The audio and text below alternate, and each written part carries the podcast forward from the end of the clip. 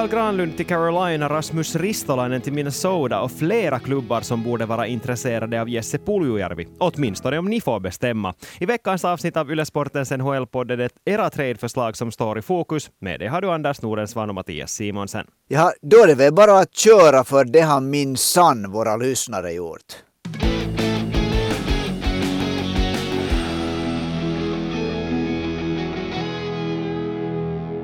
Men vet du Anders, före vi går in på alla fantastiskt fina tradeförslag som vi har fått in, så måste vi ändå börja med att lite snacka om de tradesen som hann hända mellan det att vi bandade in det förra avsnittet och vi bandade in det här avsnittet, för jag är faktiskt upprörd. Jag, är, jag förstår inte varför i hela fridens namn Tampa Bay Lightning betalar så mycket som de gjorde för Tanner Jeannot, en tredje kedjans spelare som inte ens har en värst bra säsong bakom sig från Nashville Predators.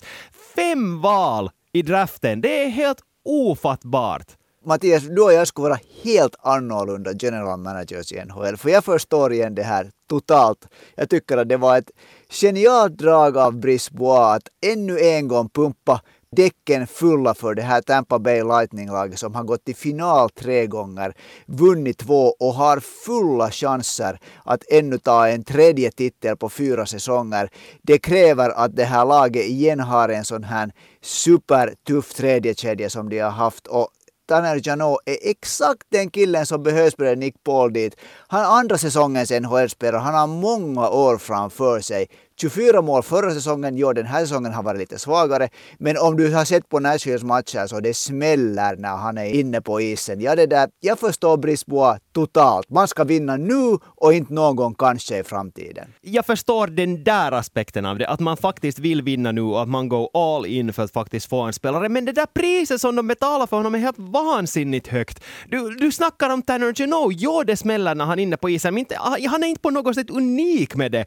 Det finns otroligt många den där sortens spelare i NHL och ingen av dem är värda fem val i draften. Alltså, ja okej, okay. när man lyssnar på Bruce Boana, han förklarar det som så här att, ja, de vet hurdana oddsen är att något av de här valen faktiskt skulle bli en NHL-kaliber spelare med tanke på ändå att de faktiskt vill vara bra nu och inte om några år. Men det här, det här signalerar nog verkligen om att de går nu all in för att vinna Stanley Cup en sista gång på väldigt, väldigt länge. För fem val, alltså om vi vi tittar på spelare som de skulle kunna ta med de här valen det är alltså, för, för, att sammanfatta lite för det första, så det är ett val i den första omgången som inte får vara ett topp 10-val, ett val i den andra omgången, ett val i den tredje omgången, ett val i den fjärde omgången och ett val i den femte omgången. Om vi tittar på viktiga spelare som Tampa Bay Lightning har plockat på precis de här positionerna så börjar vi med en icke topp 10-val i den första omgången, Andrei Vasilevski, ett val i den andra omgången, Nikita Kucherov, val i den tredje omgången, Braden Point och Anthony Cirelli, båda valdes i den tredje omgången omgången. Fjärde, valen spe, fjärde omgången spelare Nick Paul och sen femte fast till exempel Andrei Palat som gick i den sjunde omgången. Att det, jo, jag vet, det är himla osannolikt att man ska ha fått just den här kalibern spelare med uttryckligen de här valen. Men att välja ens bort en av de här i utbyte mot Tanner Genot känns helt vansinnigt. Och det är liksom de här oddsen som jag inte köper på något sätt när Brisboa säger att, att de hade räknat ut att oddsen är så låga för att, eller oddsen är så höga för att någon av de här spelarna som man väljer med de här faktiskt ska bli bra. Det, det, det handlar inte om det. Det handlar om det här att du ger bort all framtid för en spelare som Tanner Junot som jag bara inte ser som den där sista pusselbiten i det här pusslet. Om du, du nämnde det här att pumpa däcken. Det här, det här är liksom en sån här futtig liten pump som man tar, vet du, det där första när man testar när man ska börja pumpa, pumpa ett cykeldäck, när man testar att är den nu faktiskt fast där i ventilen, när man tar lite så här pff, det är den pumpen som Tanner Genoa är i mina ögon. Nej, alltså jag, jag är nu så av annan åsikt som jag bara kan vara. För, du här tyckte du förra året också när Brandon Hagel och Nick Paul kom dit, båda har visat sig vara jättenyttiga spelare, har blivit helt en, en, där, en, en del av Tampas Bays liksom, koncept och hur de spelar. Och när du säger att Tanner Genoa, liksom, det finns hemskt många sådana spelare som, det där, som är liknande som han, så det håller jag inte alls med om. Han är, sagt, han spelar sin andra säsong i det där i NHL. Eh, han är stor och stark och bra på skridskorna. Jag tycker att han han hör till en ganska liten grupp av sådana här tacklingsstarka liksom power som dessutom har liksom skärpa i sitt målskytte. Det att, att den här säsongen inte har lossat på samma sätt som förra säsongen i målskytte så kan också bero på att Nashville har ju inte alls haft en bra säsong. Han har inte fått spela riktigt lika stabila kedjor som förra säsongen. Jag väntar mig mycket av hur han kommer att spela när han kommer till Tampa och antagligen kommer att placeras i tredje kedjan bredvid Nick Paul. Och den här duon kan bli en riktig mardrömsduo för bland annat Toronto här om några veckor. Ja, vi kan ta den här diskussionen på nytt efter att Toronto har slagit ut dem i den första omgången. Men det där, ett, annat, ett sista argument för min del. Du ville ha en back till Tampa Bay Lightning. Jacob Chychrun till exempel. Tror du inte att han skulle ha lossnat från Arizona för fem val? Jag var ju inte ute efter Jacob Chychrun till det där till Tampa. Jag var ute efter en sån här tredjeparets, tredjeparets back som lite i stil med Rasmus Ristolainen. Och jag tror ju fortfarande att Tampa ännu kommer att före det här, före det är, är slut, före det är trade deadline här så kommer Tampa Bay att ha på ett eller annat sätt har de lirkat in en äh, back dit och det kan mycket väl till exempel vara Luke Shen från Vancouver. Och jag tror att de skulle ha fått både Chychrun och Rasmus Ristolainen för samma pris som de betalar bara för Tanner Genoa. Det är min åsikt. Och det, är där som mitt problem är, att de betalar så himla mycket i en liga där de här valen i draften värderas så himla högt. Att, vi har talat om det här tidigare, jag tycker till exempel att Pittsburgh gör det väldigt bra när de använder ett val i den första omgången för att plocka in en spelare som ska vara en topp 6-spelare. Det tycker jag att det är jättesmart. Men att ge fem val i en liga där man vet att de här valen skulle ha kunnat ge dem en mycket bättre spelare, en, eller en mycket viktigare spelare, en spelare som käkar mycket större minuter och bidrar offensivt på ett helt annat sätt. Nej, jag köper bara inte. Tampa har spelat tre finaler i sträck, kan gå till sin fjärde final och de har liksom, deras koncept är så kristallklart och en viktig, viktig, viktig del av det som de når framgången med är den här tredje kedjan som malar liksom motståndarnas äh, bästa kedja till bitar. Och det här tycker jag att har alla ingredienser för att bli en, en, en sån kedja igen. Ja, vi, vi återkommer. Vi återkommer till det här. Vi snacket. gör det. En annan trade som vi måste ta ställning till nu före vi går vidare till alla lyssnarförslag, så det är ju den som skickar Timo Maier. Det är en av de största fiskarna som fanns tillgängliga ute på det stora tradehavet i New Jersey Devils. Och jag måste säga att jag trodde inte att Devils skulle ha varit på marknaden. Jag vet att fansen hade tryckt upp de här skjortorna med den här texten “Give me fuel, give me fire, give me Timo Beep Meyer”.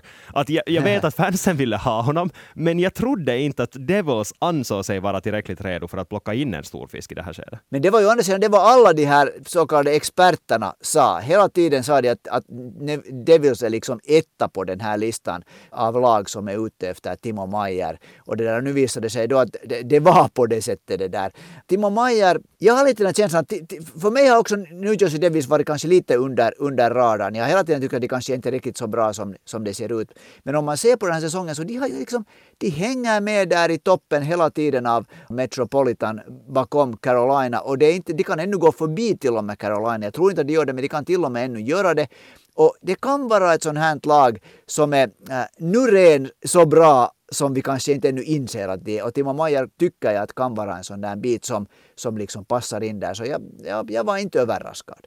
Ja, alltså det var jag menar. Jag säger inte att de inte är bra jag tycker att New Jersey Devils är ett jättebra lag, ett jätteroligt lag att titta på när de spelar så pass snabb offensiv hockey som de gör. Men jag tror bara inte att de mentalt är på rätt ställe att gå hela vägen ännu, för nu snackar vi om en östra konferens som på pappret är så vansinnigt stark. Att jag tror bara inte att New Jersey kommer att ta sig förbi den andra slutspelsomgången max för att de inte är slutspelshärdade. Och nu ska vi minnas att de antagligen kommer att ställas mot New York Rangers i den första omgången. Ett Rangers som redan har plockat in Vladimir Tarasenko som ryktas plocka in Patrick Kane. Att det, den där kapprustningen i den östra konferensen är så häftig att jag om jag skulle vara klubbchef för New Jersey Devils så skulle jag säga att okej, okay, det här blir ett år då vi lär oss vad det betyder att spela i slutspel. Många av killarna i det här laget har aldrig spelat NHL-slutspel på den här nivån, där de faktiskt förväntas leverera någonting.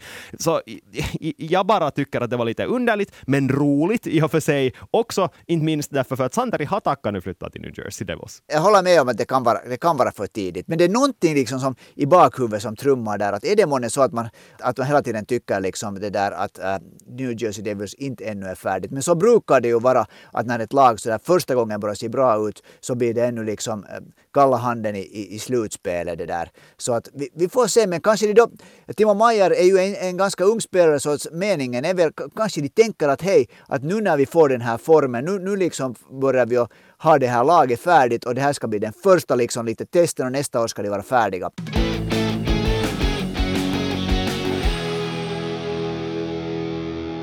Nu till saken! Alltså lyssnarförslag på vilka trades som ännu borde hända under de sista dagarna innan transferfönstret stängs. Så vi börjar med ett som vi redan lite tangerar här. Noah vill ha Patrick Kane i New York Rangers och det här faktiskt, hur osannolikt det än låter, så är det här någonting som åtminstone uppfattas som i nordamerikanska medier som bara nu är en tidsfråga innan det händer. För nu ska New York Rangers först lite fiffla med lönetaket, se hur de får alla bitar att falla på sin plats, men det verkar ju liksom som att man redan har har, har cirklat runt antingen onsdagen eller torsdagen i kalendern som den dagen då den här traden, då Patrick Kane blir en New York Ranger, faktiskt blir offentlig. Det som lite stör mig här, alltså jag tror ju också att han är på väg dit, ja, det är så färdigbäddat nu. Det är liksom sådär väldigt, väldigt ofta som när allt är så här liksom att det ska, det ska vara match made in heaven. Så är det liksom förklart och sen när det liksom ska aktualiseras på planen, på isen, så aha, va, varför funkar inte det här? Va, vad är det som nu, varför händer, går det inte som nu? Vi kommer säkert i Finland åtminstone ihåg hur det var i tiden när, när Teemu Selänen skulle till Colorado Avalanche. Det skulle vara liksom super och det blir absolut ingenting. Jag säger inte att det här kommer att bli, gå, gå på samma sätt. Men någonting är det lite att det är lite för mycket nu som ska vara så att, att han måste dit och han må, vill själv dit. Att det, där, det blir sådär att det tar bort uppmärksamheten tycker jag lite för det viktigaste är det att ha ett lag som kan vinna Stanley Cup. Jag vet och jag hör allt du säger och jag håller egentligen med dig. Men samtidigt vet du, tittar den där åttaåriga lilla Mattias fram här ja. och allt vad jag önskar just nu är att det ska bli Toronto mot Rangers i den östra konferensfinalen där det är två superlag, två offensivt laddade superlag som möts och gör upp om vem som går till Stanley Cup-final och att det kommer att bli en sån otrolig show.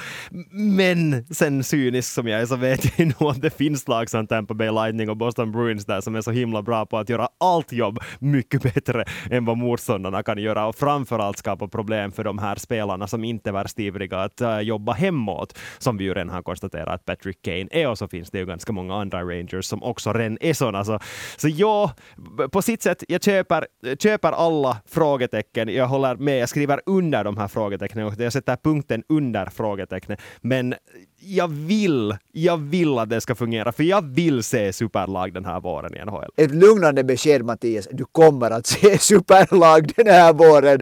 Andra förslag som inte åtminstone är sådana som jag skulle ha sett att skulle ha spekulerat som sådär så offentligt, men som är på pappret ganska roliga. Både Lukas och Patrik vill se Mikael Granlund i Carolina Hurricanes. Vad tycker du om det här, Anders? Du ville ju se honom förra veckan i Colorado, så det där.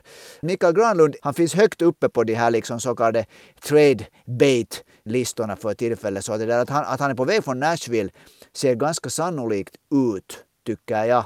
Carolina, Nej, jag på något sätt nu har tänkt att Carolina kanske sen, sen heller inte går efter den där centern. Och Granlund kan spela också såklart lika bra som ytter. Vi har talat tidigare om att hans skridskohastighet inte är bästa möjliga. Det kanske Paul Stastny klarar sig i Carolina, kanske det där Granlund skulle kunna klara sig. Och det finns ju mycket liksom han har ju många kompisar där nu som han gärna skulle spela med. Så det där, inte alls tycker jag är en dålig tanke. Nej, alltså det som jag tycker att blir problem här är det vad Nashville nu kan B för honom. I och med att de fick ett sånt otroligt pris för Tanner Geno. Okej, okay, de sålde Nino, Nino Niederreiter relativt billigt, åtminstone i jämförelse med Tanner Geno. Men när man vet att, eller när David Poyle kanske tänker så här att okej, okay, vi har ännu en försvinnande liten chans att nå slutspel. Mikael Granlund är en viktig spelare för oss om vi faktiskt ska, ska gå till slutspel. Och Poyle har ju redan sagt att det här blir hans sista år som klubbchef. Han kommer att tacka för sig i Nashville efter den här säsongen, så kanske det fortfarande finns den där viljan att a last hurrah, som man säger på engelska, att en sista gång gå till slutspelet och försöka göra ett mirakel där. Så jag tror att det kommer att kräva ett ganska högt pris och att betala ett högt pris för Mikael Granlund just nu, så det gör man bara om man är desperat. Och det tror jag inte att Carolina är för en center av, av Granlunds kaliber. Nej, Carolina är nog inte det där, när man, man ser nu hur de spelar så jag tycker att på något sätt det ser ut som Rod Brindamore människor skulle förbereda sig för att det inte kommer in några nya spelare. Så Carolina är inte liksom desperat. Mm, de har sin spelstil, de har liksom stommen i laget jag, jag på något sätt tolkar nog det här som att äh, Nashville spelade förra matchen med, vad var det, med, var det med, hur många, var det med 10 eller 11 forwards? Ja, det där, jag på något sätt tolkar nog som att som de har kastat in handduken. Såklart så kan det ju, spelarna kan ju vända på det här ännu, men till och med Matt Duchene som blev intervjuad så verkar ganska skeptisk över att de har någon chans med att gå till slutspel. Men just att han har, bara, äh, han har sagt att det är bara tre spelare som det, då är det, då är det Roman Josi, äh, Jose Saros som vi snackade om förra, förra veckan och Filip Forsberg som inte är tillsammans salu för tillfället. Så inte det är ju hemskt bra tecken. Oj, och med den kommentaren så kan vi också tyvärr säga åt dig Kasper som undrar om Jose Saros skulle kunna vara aktuell för Los Angeles Kings att han knappast kommer att vara det om då Los Angeles Kings inte betalar ett jättehögt pris. Eh, en annan finsk målvakt som nämns i de här förslagen som har skickats in är däremot Kevin Lankinen och eh, Patrik skulle vilja se honom i Florida Panthers. Bra idé. Kevin Lankinen skulle, skulle kunna vara just en sån målvakt som Florida Panthers skulle, skulle behöva. Jag tror fortfarande att Kevin Lankinen kan bli en 1A-målvakt i NHL bara han liksom får i lugn och ro jobba liksom. Och jag tycker att han igen har visat den här säsongen hur bra backup han kan vara. Han har ju bara ett ettårskontrakt för tillfället. Så jag tycker det där, ja, inte alls en dålig idé. Rösta för det här. Ja, alltså, ur, speciellt ur Finlands perspektiv skulle det ju vara jätteroligt om Kevin Lankinen skulle komma in till Florida Panthers och göra det som han gjorde för Lejonen 2019 och göra ett, eller vara målvakten som garanterar ett mirakel. Och, och jag tror också som du att han eh, på många sätt, just i och med att han har den historien som han har, skulle vara liksom rätt man för jobbet. Och speciellt med tanke nu på att Spencer Knight är borta på en obestämd tid när han har gått med i det här som eh, officiellt heter NHL Player Assistance Program, dit eh, man kan söka sig om man har olika problem. Det kan i princip handla om helt vad som helst, eh, antingen missbruk eller psykiska problem eller vad som helst. Vi vet inte vad det handlar om och det finns inte heller något svar på när han skulle kunna komma tillbaka och Florida skulle kanske då mm, behöva en andra målvakt bakom Sergej Bobrovski eller till och med en målvakt som skulle kunna utmana honom om första spaden. Och det, Kevin Lankinen skulle ju vara en sån här hyresspelare. Så på sitt sätt, på pappret, är det här inte ens en deal som känns så värst osannolik. Nej, det, jag, jag tycker att faktiskt Florida borde ju kanske, eller de är väl lite tvungna nu att försöka gå efter någon målvakt. Och då finns ju faktiskt både Lankinen och, och Korpisalo, de finska målvakterna, som mycket väl kunde finnas där liksom i det snacket. Och på tal om Korpisalo så är han också nämnd i de här förslagen. Sebastian ger oss tre alternativ. Okej, han ger oss egentligen fyra alternativ, men han stryker själv det fjärde, alltså Edmonton, för att han, och nu citerar jag Sebastian, vi vet hur de prioriterar. Istället säger han Los Angeles, Calgary eller Vegas. No, någonstans måste han ju fara nu och alla de där är bra liksom. Vegas är ju behov, för Vegas börjar ju se ganska sådär där Äh, hur ska man säga, de börjar ändå se ut som ett riktigt tufft lag att möta i slutspelet. Men det, det där målvaktstruppen är ju inte åtminstone så där grymt stabil. Korpisalo skulle hämta liksom, han har blivit så gammal att han skulle hämta den där rutinen dit. Så det där, på något sätt tycker jag att Vegas skulle vara just rätt ställe kanske för, för Korpisalo. Jag tror att han kommer att åka någonstans före trade deadline. Ja, jag tror också, jag köper de här spekulationerna som nämndes redan tidigare och som jag tror att vi har pratat om i podden också, blir osäker om vi har pratat om det privat eller om vi har nämnt det i podden också. Men de här spekulationerna om att både han och Vladislav Gavrikov skulle skickas till Los Angeles Kings för att de uttryckligen både behöver en back och en målvakt som åtminstone kan utmana om att bli första målvakt i ett lag som kommer att gå till slutspel, för det tror jag nog att Kings redan också räknar med. Så jag gillar Kings-tanken mycket mer än vad jag gillar Vegas, för Vegas har fortfarande en lovande målvakt som jag tror att de litar på, plus att de har de här lönetagsproblemen som man inte liksom skämtar bort. Och det går inte att trixa bort hur mycket som helst av de här lönetagsproblemen heller. Nej, men alltså ingenting är ju omöjligt, det har vi ju sett. Men på något sätt, så här, min magkänsla säger mer Kings än Vegas ändå. Vet du, nu när du motiverar det där så det där, jag var på något sätt, jag hade, vi hade Vegas senaste match framför ögonen här, den som spelar mot Colorado. Så nu när du säger det där så, det är ju faktiskt så att Los Angeles är på väg till slutspelet egentligen liksom nästan genom paraddörren om man kan säga. Det ska mycket till att de inte går till slutspelet och det är nog just som du säger att de har ju problem med att de inte har en pålitlig målvakt. En back till där skulle ju också sitta väldigt bra. Så den där, att, att de här båda, att det är ett paket var de skulle åka dit så det där, jag ändrar lite min åsikt här och tycker att Los Angeles faktiskt skulle vara bättre än Vegas.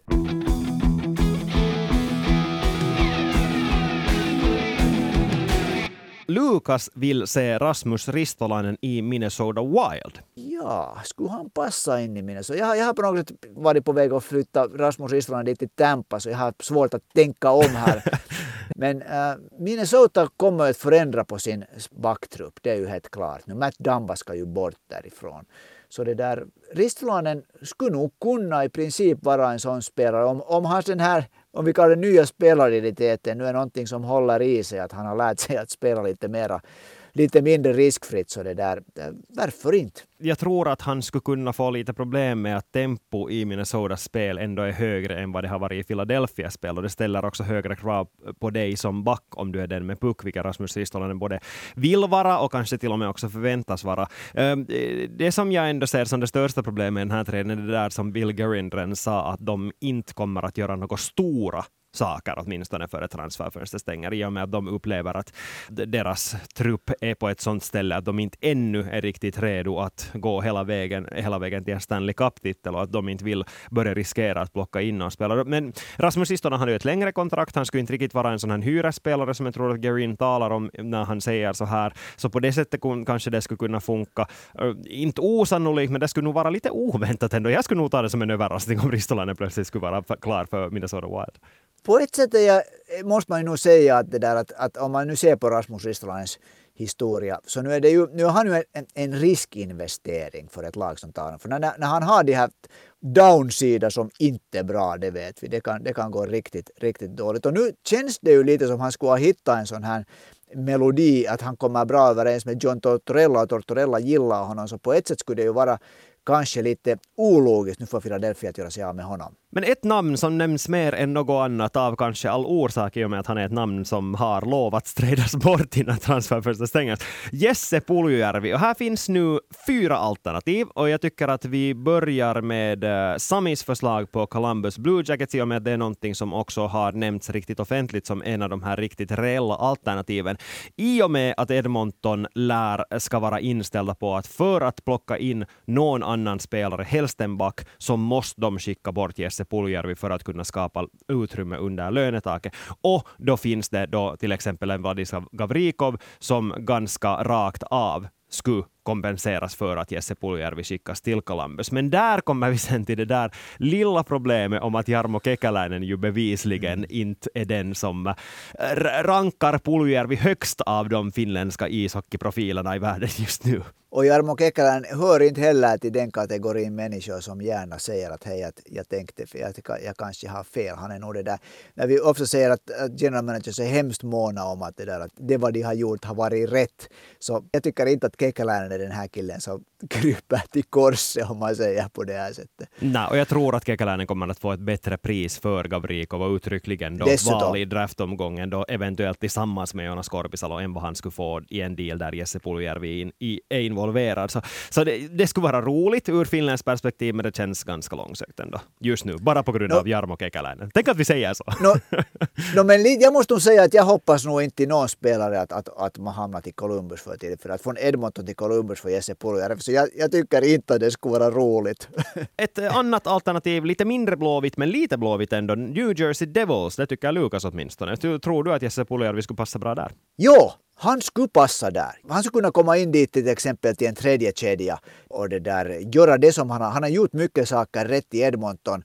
I New Jersey skulle han inte hela tiden vara den som alla skulle liksom sitta och kolla på att vad gör han fel utan han skulle där få komma in i en kanske en, en tydlig roll och jag tror att han skulle kunna sköta den utmärkt. New Jersey Devils tredje kedja just nu är Ondrej Palat, Erik Haula, Dawson Mercer. Jag ser inte Jesse Puljärvi rymmas in där. Han ska vara en fjärdekedjans spelare. Han är för dyr för en fjärdekedjans spelare just nu. Nu när du säger det på det där sättet, så det där, jag hade inte framför mig den där uppställningen. Var den tanken att han skulle vara ja, tredje, tredje kedjans spelare. Jag, jag förstår tanken och New Jersey Devils är ett så optimistiskt lag på något sätt just nu. Att man gärna skulle se Puljujärvi i den omgivningen. Men jag tror bara helt enkelt inte att det finns en plats för honom i den här truppen. Jag tror inte att Devils heller ser efter att ha trädat in Timo Maier att de skulle behöva ta in Puljujärvi också. Du är nog ganska övertygande i din argumentering. Ja, alltså nu, nu är jag det. Inte ens snacka Tampa Bay Lightning, men nu när jag går in i alla de andra så då köper du allt vad jag säger. Okej, okay, fine. Du ska hålla dig till sådana här lag som New Jersey och sådana här.